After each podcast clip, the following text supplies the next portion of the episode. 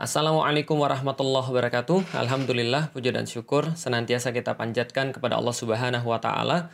Begitupun juga senantiasa salawat dan salam kita curah, kita limpahkan kepada baginda Nabi besar Muhammad sallallahu alaihi wasallam. Teman-teman sekalian yang dirahmati Allah, alhamdulillah kita pada hari ini masih bisa eh, berjumpa, bermuajahah walaupun mungkin lewat online Uh, mudah-mudahan perjumpaan kita lewat online ini tidak mengurangi keberkahan-keberkahan yang Allah turunkan kepada orang-orang yang di dalam majelis di dalamnya menyebut-nyebut nama Allah. Maka kita bersyukur kepada Allah Subhanahu wa taala dengan senantiasa mengucapkan alhamdulillah dalam lisan kita dan kita bersyukur dengan cara menaati apa pun yang telah uh, Allah sampaikan kepada kita. Salat dan salam juga tak lupa dan uh, senantiasa pula kita curah dan limpahkan kepada baginda Nabi besar Muhammad sallallahu alaihi wasallam manusia mulia yang telah mencontohkan kepada kita agama yang sempurna dan kita memohon kepada Allah senantiasa. Mudah-mudahan kita dikuatkan mudah-mudahan kita senantiasa diistiqomahkan di dalam menjalani agama Islam ini sampai dengan uh, maut menjemput kita. Dan mudah-mudahan saya juga mendoakan pada teman-teman semua, berdoa untuk diri saya sendiri. Mudah-mudahan ketika kita dijemput oleh malaikat maut, kita semua dalam keadaan husnul khotimah. Teman-teman sekalian, kita sekarang masih uh, membahas tentang buku uh, Beyond the Inspiration. Nah, yang ini. Nah, jadi kita sudah sampai ke bab ini yang di YouTube. Kita sudah sampai ke bab 5. Judulnya adalah As Allah Assign. Jadi kalau saya boleh untuk merangkum bab 1 sampai dengan bab 3 kita sudah coba untuk uh, mengulik uh, tentang dasar-dasar di dalam Islam, yaitu adalah bagaimana berbicara tentang keimanan dan segala sesuatu yang melingkupinya, seperti misalnya tentang uh, tentang keyakinan kepada Allah, tentang takdir, tentang hidup adalah pilihan dan seterusnya. Lalu kemudian di bab yang keempat kemarin kita sudah membahas tentang apa konsekuensi daripada keimanan? Yaitu sesederhana kalau seandainya kita punya majikan dan bahwa kita adalah seorang hamba, maka hubungan antara hamba dengan majikan atau budak dengan majikan itu persis sama seperti hubungan antara seorang hamba dengan Allah.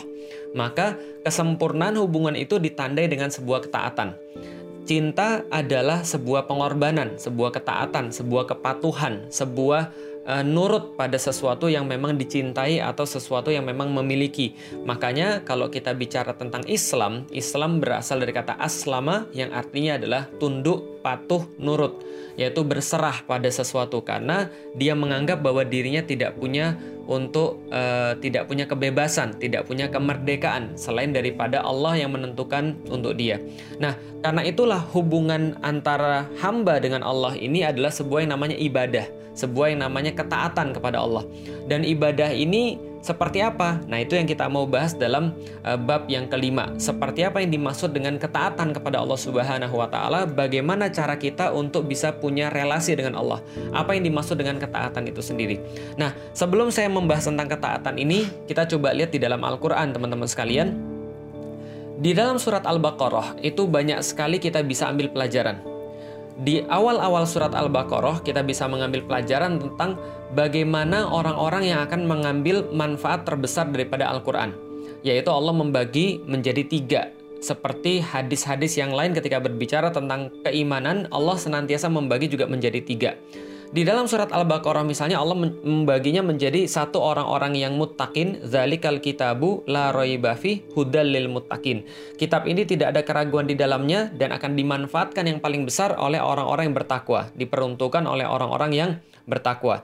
Yang kedua, innallazina kafaru sawaun alaihim a'angzartahum am lam tungzirhum la yu'minun yaitu adalah orang-orang kafir yang sama saja kepada mereka diberikan peringatan, tidak diberikan peringatan, mereka tidak beriman. Dan saya sudah menjelaskan sedikit yang dimaksud dengan apa yang yang dimaksud mereka dikasih peringatan dan nggak dikasih peringatan, mereka tetap nggak beriman. Nanti insya Allah uh, akan kita ulangi lagi nanti pada pembahasan-pembahasan berikutnya, walaupun kita sudah pernah singgung. Yang yang ketiga adalah wa minan nasi mayyaqulu amanna billahi wa bil yaumil akhir wa ma.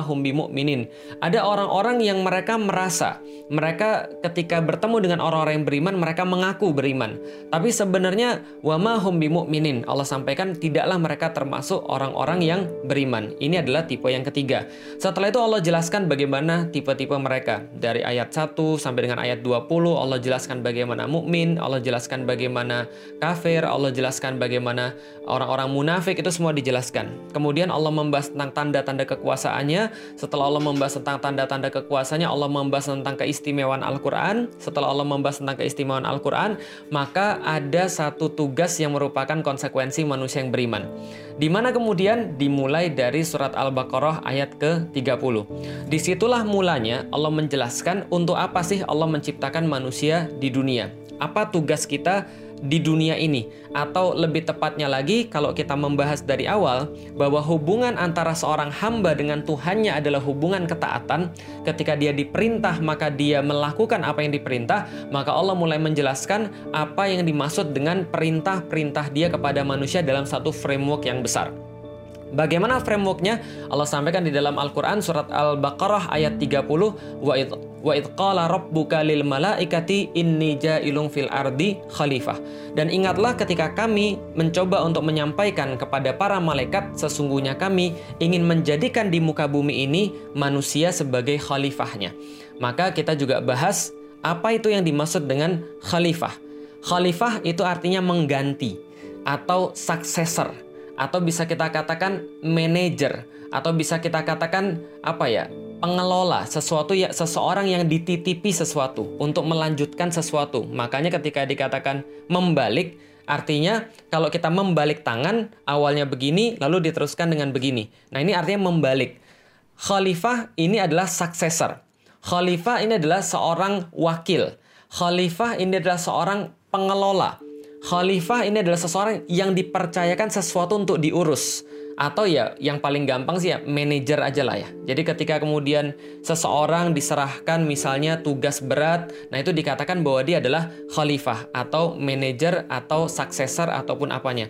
Dan ketika Allah menyampaikan pada para malaikat, wa qala rabbuka lil malaikati inni ja'ilun fil ardi khalifah, maka malaikat-malaikat eh, segera merespon perkataan Allah itu dengan kata-kata yang Allah juga rekam di dalam Al-Qur'an. Maka malaikat berkata, "Ataj'alu fiha mayufsidu fiha wa yasfikut dima." Apakah engkau benar-benar akan menjadikan di muka bumi ini manusia yang setahu kami seolah-olah malaikat kemudian berkata pada Allah itu punya dua sifat yang sangat sangat-sangat mengerikan. Punya dua sifat yang sangat-sangat berbahaya, yaitu mereka merusak bumi ini dan mereka menumpahkan darah wa nahnu nusabbihu bihamdika wa disulak. Sedangkan kami senantiasa untuk kemudian bertasbih kepada Engkau, senantiasa untuk mengagungkan Engkau, senantiasa untuk beribadah kepada Engkau. Uh, kenapa manusia dijadikan sebagai khalifah? Dan teman-teman sekalian, ini ada ada beberapa orang yang mengatakan, berarti malaikat protes dong. Enggak, malaikat nggak protes. Kenapa? Malaikat nggak bisa protes. Malaikat nggak pernah protes. Karena kita tahu malaikat hanya menjalankan apa pun yang dia telah diperintahkan oleh Allah. Kenapa dia bertanya? Konfirmasi aja. Kalau konfirmasi itu bukan termasuk protes dan itu pun sudah termasuk bagian daripada apa yang sudah dituliskan Allah di dalam Al-Qur'an. Ataja'alu fiha mayufsidu fiha wa yasfikut dima. Wahai wahai Allah, duhai Allah, apakah engkau akan menjadikan di muka bumi ini seorang successor, seorang yang mengurusi bumi ini, seseorang yang menjadi manajer di muka bumi ini, mereka yang suka melakukan kerusakan di muka bumi dan juga mereka suka menumpahkan darah. Berarti ini dua yang disebut oleh uh, oleh malaikat. Nanti kapan-kapan kita akan jelaskan apa maksud dua ini dan turunannya apa saja. Nah, lalu kemudian Allah berkata, "Qala inni a'lamu ma la ta'lamun." Aku lebih tahu sedangkan kamu tidak tahu. Maka kemudian pengetahuan Allah ini Allah buktikan dalam ayat yang berikutnya. Wa 'allama Adamal asma'a kullaha. Kemudian Allah mengajari benda-benda di langit itu, benda-benda di surga itu kepada Adam. Ini namanya ini, ini namanya ini, ini namanya ini. Summa aradahum 'alal malaikati. Lalu kemudian benda-benda ini setelah diajarkan kepada Adam, maka benda-benda ini disorongkan kepada para malaikat malaikat kemudian Allah katakan ambiuni bi asma'i haula'i in kuntum sadikin wahai malaikat coba sekarang kamu sebutkan nama benda-benda yang tadinya sudah saya ajarkan kepada Adam sekarang engkau sebutkan nama benda-benda yang tadi maka kemudian sontak malaikat kemudian menyebutkan kepada Allah pengakuannya. Subhanaka la ilma lana illa tanah. Kami tidak tahu apa-apa ya Allah kecuali apa pun yang telah engkau berikan kepada kami pengetahuannya. Inna ka antal alimul hakim. Sesungguhnya engkau adalah al-alim, sesungguhnya engkau adalah al-hakim. Sesungguhnya engkau adalah yang maha tahu, sesungguhnya engkau adalah yang maha bijaksana. Maka kemudian setelah itu kemudian dilakukan oleh malaikat, maka Allah katakan, Ya Adamu ambihum bi asma'ihim. Wahai Adam, sekarang giliran kamu. Sebutkan nama benda-bendanya. Kira-kira Adam bisa menyebutkan nama benda-benda nggak? Bisa.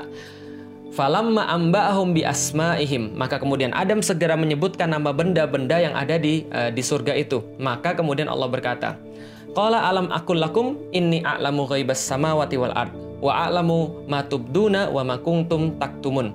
Bukankah tadi sudah saya sampaikan bahwa saya mengetahui segala-galanya?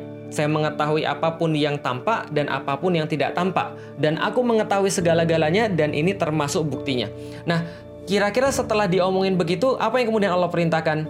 Wa iskulna lil malaikatis juduli Adam fasajadu illa iblis aba wastakbar wa kana minal kafirin.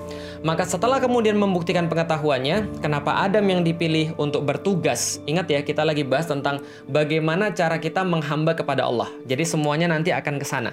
Nah, setelah kemudian Adam Adam dibuktikan, kenapa ini yang dipilih sebagai khalifah fil art, sebagai penjaga di muka bumi, guardian of the earth atau dikatakan suksesornya Allah di muka bumi, maka Allah katakan bersujudlah semuanya kepada Adam fasajadu dan maka bersujudlah kemua semua illa iblis. Maka iblis nggak mau. Kenapa iblis nggak mau? Dia buat-buat narasi sendiri.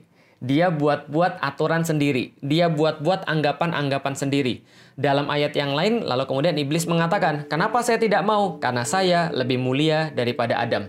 Ana khairum minhu. Ana lebih baik saya lebih baik minhu daripada dia Kholak tahu mintin wa kholak tani minar.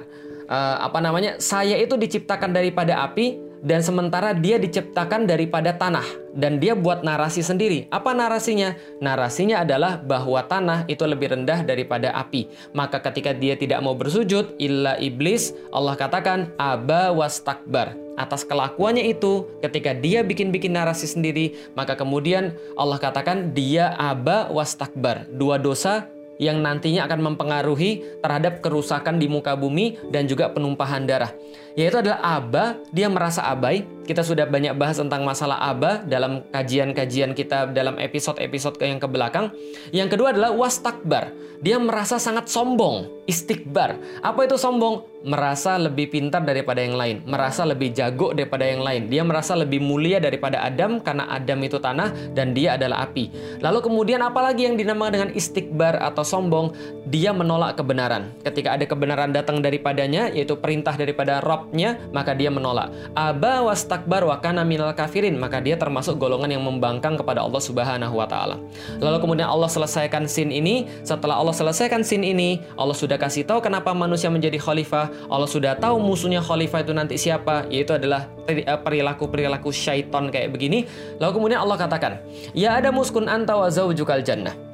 Wahai Adam, sekarang sebelum kamu melakukan tugasmu nih, sekarang kamu masuk dulu dengan istrimu uh, dengan uh, kepada surga ini. Wa kullam minha rogodan haitsu syi'tuma wa la taqrabu hadhihi syajarah.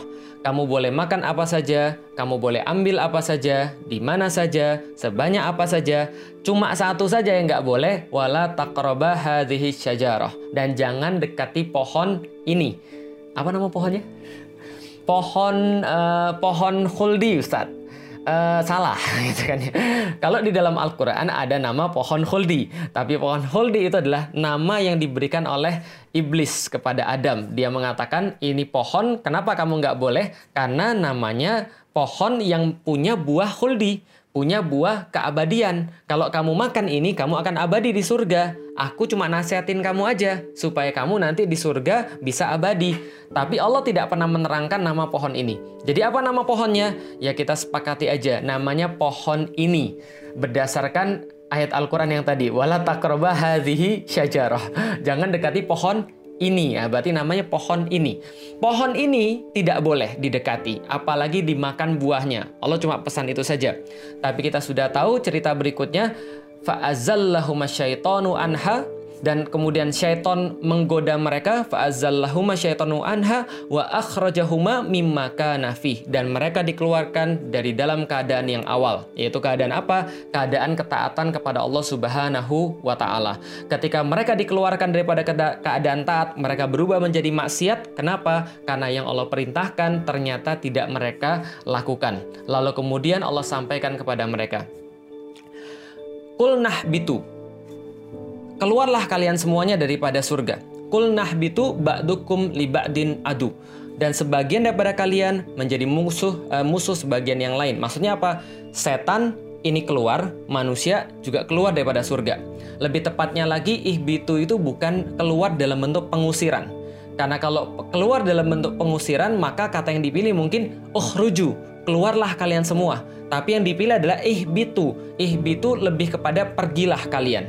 Pergilah kalian dari surga. Sebagaimana di dalam Al-Quran ketika kisah uh, Musa, maka ketika orang-orangnya itu minta macam-macam, minta bawang, minta sayur, minta uh, segala macamnya, padahal sudah dikasih manna wa salwa, maka kemudian Musa pernah bilang pada kaumnya, ihbitu misron maka pergilah kalian ke pasar fa innalakum masa'altum dan kalian akan dapat apa pun yang kalian minta tadi pergilah ke pasar. Jadi bukan diusir ke pasar tapi disuruh pergi ke pasar. Maka ketika Allah katakan ihbitu keluarlah kalian lebih kepada kalian pergilah daripada surga. Ba'dukum li ba'din adu. Sebagian daripada kalian akan menjadi musuh sebagian yang lain. Walakum fil ardi mustaqarru wa mataun ilahin dan ketika kalian pergi di dunia dunia ini akan menjadi tempat kediaman kalian tempat main kalian sampai pada waktu yang sudah ditentukan oleh Allah Subhanahu wa taala. Maka setelah Allah perintahkan semuanya keluar, tentu Adam merasa bersalah. Dan ketika Adam merasa bersalah, ketika dia tahu dia bikin dosa, maka kemudian fatalaqqa Adamu mirabbihi kalimating fataba alaih. Maka kemudian dia segera menghambur kepada Allah, dia segera kemudian berbicara kepada Allah dengan sebuah kata-kata yang sudah kita kenal sampai dengan sekarang yang menjadi salah satu doa favorit kita. Rabbana zalamna anfusana wa illam taghfir lana wa tarhamna lanakunanna minal khasirin. Ya Allah saya salah, ya Allah saya punya dosa, kalau engkau tidak memaafkan aku, maka aku termasuk orang-orang yang merugi. Karena tidak ada lagi yang bisa memaafkan manusia kecuali Allah Subhanahu wa taala. Ketika Adam sudah berkata-kata kepada Tuhannya, fataba alaih, Masya Allah. Jadi Adam kemudian dimaafkan oleh Allah Subhanahu wa taala. Fataba alaih innahu huwat tawwabur rahim. Sesungguhnya Allah adalah Maha pemberi taubat dan Maha memberi rahim.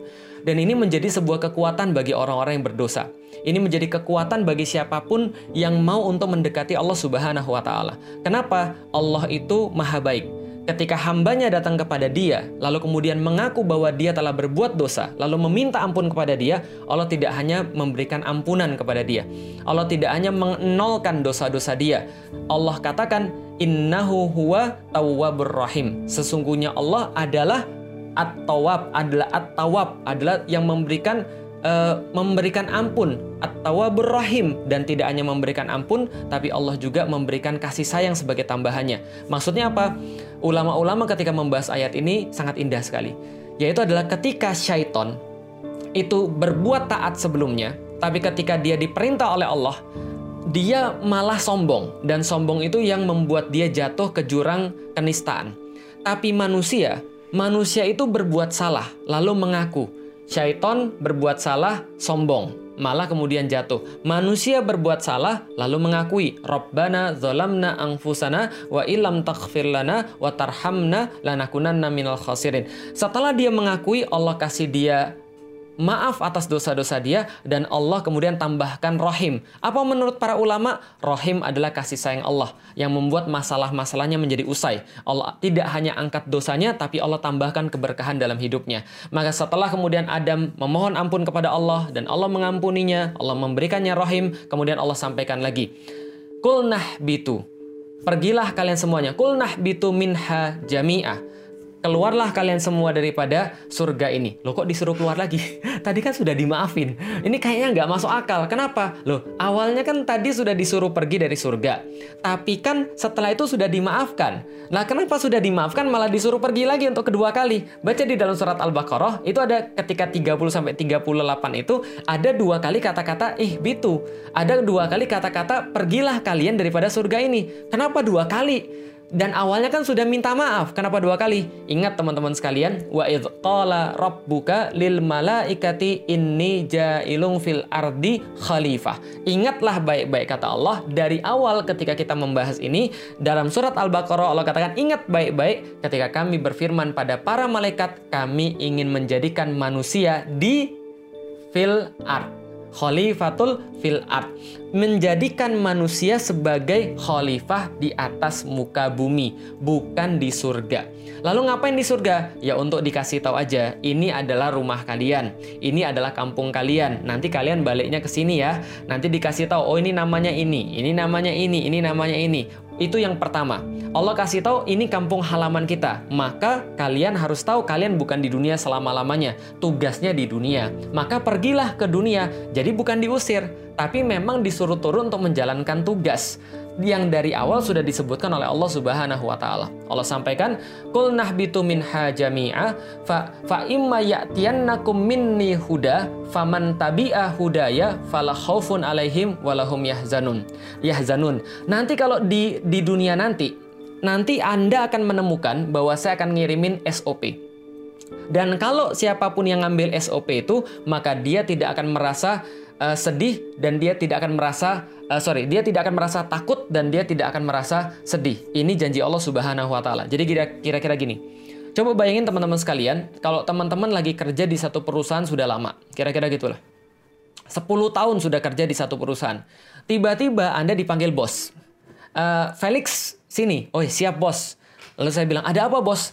Ada satu tugas besar pada Anda yang sudah pernah dilakukan oleh orang lain tapi dia gagal. Tapi saya melihat kamu dengan seluruh apa pun yang setelah sudah saya bekali kepada kamu, kayaknya kamu adalah orang yang cocok untuk pergi ke sana. Oh gitu ya bos ya? Oh ya, kira-kira ke mana?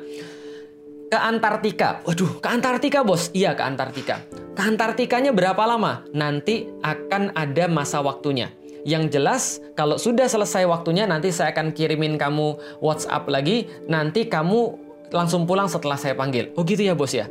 Lalu kemudian kita bingung, 10 tahun sudah kita kerja di perusahaan ini, 10 tahun sudah kita ini tinggal di Jakarta, tiba-tiba disuruh pergi ke Antartika untuk ngurusin cabang Antartika misalnya. Usahanya apa emang? Nggak usah dibahas. Yang jelas ada seseorang yang sudah lama di situ disuruh pindah.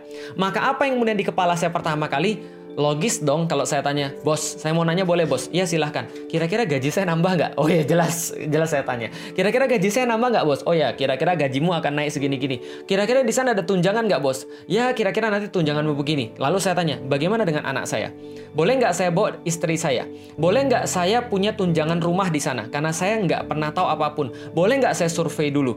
Nanti kalau di sana, kalau saya ada apa-apa gimana? Nanti kalau seandainya saya di sana menemukan masalah seperti apa? Saya boleh nggak dapat SOP? SOP-nya. Siapa sih yang dulu pernah ada di sana dan kenapa mereka gagal? Boleh nggak saya dikasih tahu? Nanti kalau di sana siapa orang pertama yang harus saya hubungin? Kira-kira tiketnya beli di mana? Di sana kira-kira makanannya kayak apa? Wajar dong saya tanya begitu. Nah maka kira-kira kira-kira ya, nggak pasti.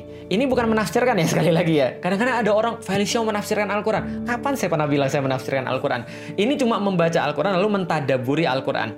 Kira-kira ketika Adam disuruh ke dunia, padahal dia kemudian di surga pada awalnya, lalu kemudian dia harus bertugas di dunia, wajar dong mungkin Adam nanya pada Allah, ya Allah kalau begini gimana? Ya Allah kalau begitu gimana? Kalau nanti di dunia saya harus seperti apa? Apa aja yang boleh saya makan? Apa yang nggak boleh saya makan? Sama siapa saya harus menikah? Sama siapa saya harus kemudian connect? Kalau saya ada masalah nanti saya harus gimana? Maka Allah katakan, sudah tenang saja. Fa imma ya'tiyannakum minni huda. Nanti akan datang sebuah petunjuk saya kepada engkau tentang tata cara bagaimana engkau melakukan tugas khalifah di muka bumi itu. Fa imma ya'tiyannakum minni huda. Pasti nanti akan datang petunjuk saya kepadamu tentang segala sesuatu yang peritilan, teknis, detail, rumit, dan pasti membantu kamu. SOP dalam kerjaanmu Faman tabi'ah hudaya fala alaihim walahum yahzanun. Dan siapa yang mengambil petunjuk ini, maka mereka tidak akan pernah khawatir dan mereka tidak akan pernah merasa sedih. Insya Allah kalau mereka.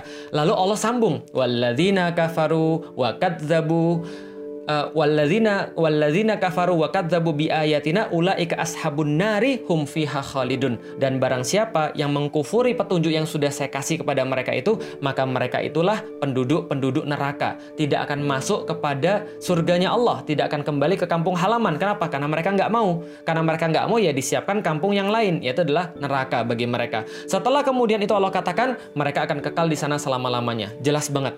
Dalam surat Toha ini juga disebutkan Olah bito, keluarlah kemudian kalian daripada surga, pergilah kalian daripada surga. Ba'dukum li ba'din adu, sebagian daripada kalian kalian menjadi uh, musuh sebagian yang lain. Lalu kemudian Allah sama, sama sampaikan, fa imma ya'tiyannakum minni huda dan kemudian akan datang petunjuk saya kepadamu. Lalu Allah katakan, famanit taba'a hudaya dan siapa saja yang mengambil petunjuk ini ujungnya agak beda. Fala yadillu wala Maka dia tidak akan merasa tersesat dan dia tidak akan merasa sengsara tafsir para ulama mengatakan yang dimaksud dengan yadillu adalah tersesat di dunia wala fil akhirah dan dia tidak akan merasa susah di akhirat. Jadi ada dua nih. Allah katakan, jadi gini ya, tugas kita di muka bumi ketika kita sudah yakin bahwa Allah adalah Tuhan kita, bahwa Allah adalah uh, adalah Rob kita, bahwa Allah adalah Tuan kita juga, seperti majikan dan kita adalah budaknya, kita adalah hambanya, maka hubungan kita dengan Allah adalah hubungan penyembahan, hubungan hubungan perbudakan. Karena itu kita nggak punya kemerdekaan, kita nggak punya pilihan selain daripada apa pun yang sudah Allah tentukan kepada kita. Dan Allah sudah ngasih tahu itu semenjak awal, ketika Allah menciptakan kita. Setelah Allah menciptakan kita, Allah kasih tahu, kalau begitu tugasmu, yang merupakan perintah saya, penyembahan terhadap saya adalah menjadi khalifah fil ard. Inni ja'ilung fil ardi khalifah aku akan menjadikanmu sebagai seorang khalifah di atas muka bumi. Ini tugasku kepadamu. Ini framework besarnya. Menjadi khalifah di atas muka bumi. Framework besarnya. Kemudian Allah katakan, nanti ketika engkau menjadi tugasnya itu, melaksanakan tugasmu itu, aku akan kasih SOP. Aku akan kasih uh, juklak dan juknisnya. Aku akan kasih detail bagaimana kamu berbuat dan bagaimana harusnya kamu berlaku. Semuanya ada stepnya. Nanti semua akan saya kirimin kepada kamu. Dan kalau kamu tidak mau, maka ada dua konsekuensi. Satu konsekuensinya adalah mereka akan khawatir dan mereka akan sedih. Konsekuensi yang kedua, kalau mereka nggak mau, mereka akan tersesat dan mereka akan sengsara. Kalau mereka mau melakukan, tidak ada wala khaufun alaihim uh, walahum yahzanun, tidak akan merasa khawatir dan tidak akan merasa sedih. Uh, falayadillu wala Mereka tidak akan merasa tersesat dan mereka tidak akan merasa sengsara di dunia maupun di akhirat. Ini adalah bagian daripada yang Allah perintahkan kepada kita. Berarti nyambung dengan apa pun yang sudah kita bahas kemarin. Nyambungnya seperti apa? Ketika kita meyakini adanya Allah, kita kita sudah meyakini bahwa Allah adalah Tuhan kita. Dan kita sudah mengakui bahwa Allah itu Tuhan dengan syahadat yang sempurna, maka berikutnya adalah sebuah pernyataan, ya Allah, saya mau taat. Maka ketika dalam surat Al-Jumu'ah yang sudah kita bahas kemarin, dalam kemudian ayat yang keduanya Allah sampaikan, "Huwallazi ba'atsa fil ummiyina rasulam minhum yatlu alaihim ayatihi wa yuzakkihim wa yuallimuhumul kitaba wal hikmah." Dan ketika orang-orang itu sudah beriman pada Allah, mereka sudah dibacakan ayat-ayat Allah, mereka sudah mensucikan diri mereka, maka mereka sudah siap. Siap untuk apa? Wa yuallimuhumul kitaba wal hikmah dan mereka siap untuk diajari tentang halal dan haram. Siap untuk diajari tentang al-hikmah yang nanti akan kita bahas dalam perjumpaan-perjumpaan yang lain. Apa itu yang dimaksud dengan halal dan haram? Apa itu yang dimaksud dengan aturan-aturan Allah? Yaitu syariat yang Allah turunkan di dalam Al-Quran. Maka Allah katakan, fa imma ya'tiyannakum minni huda, faman tabi'a hudaya, fala khufun alaihim walahum. Nanti akan kami kasih SOP-nya.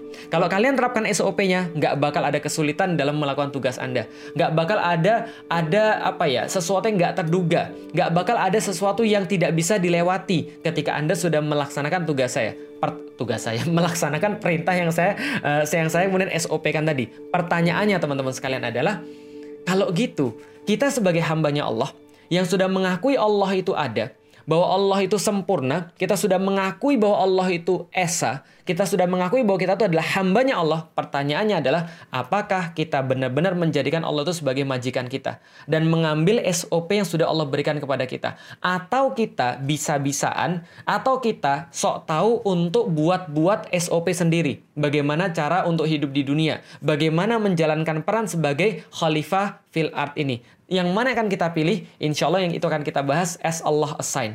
Sebagaimana yang Allah perintahkan kepada kita. Sebagaimana yang Allah uh, delegasikan kepada kita. Yaitu menjadi successor. Menjadi sebuah manajer di atas muka bumi ini. Itu yang nanti insya Allah akan kita bahas ke depan. Mudah-mudahan bermanfaat. Assalamualaikum warahmatullahi wabarakatuh.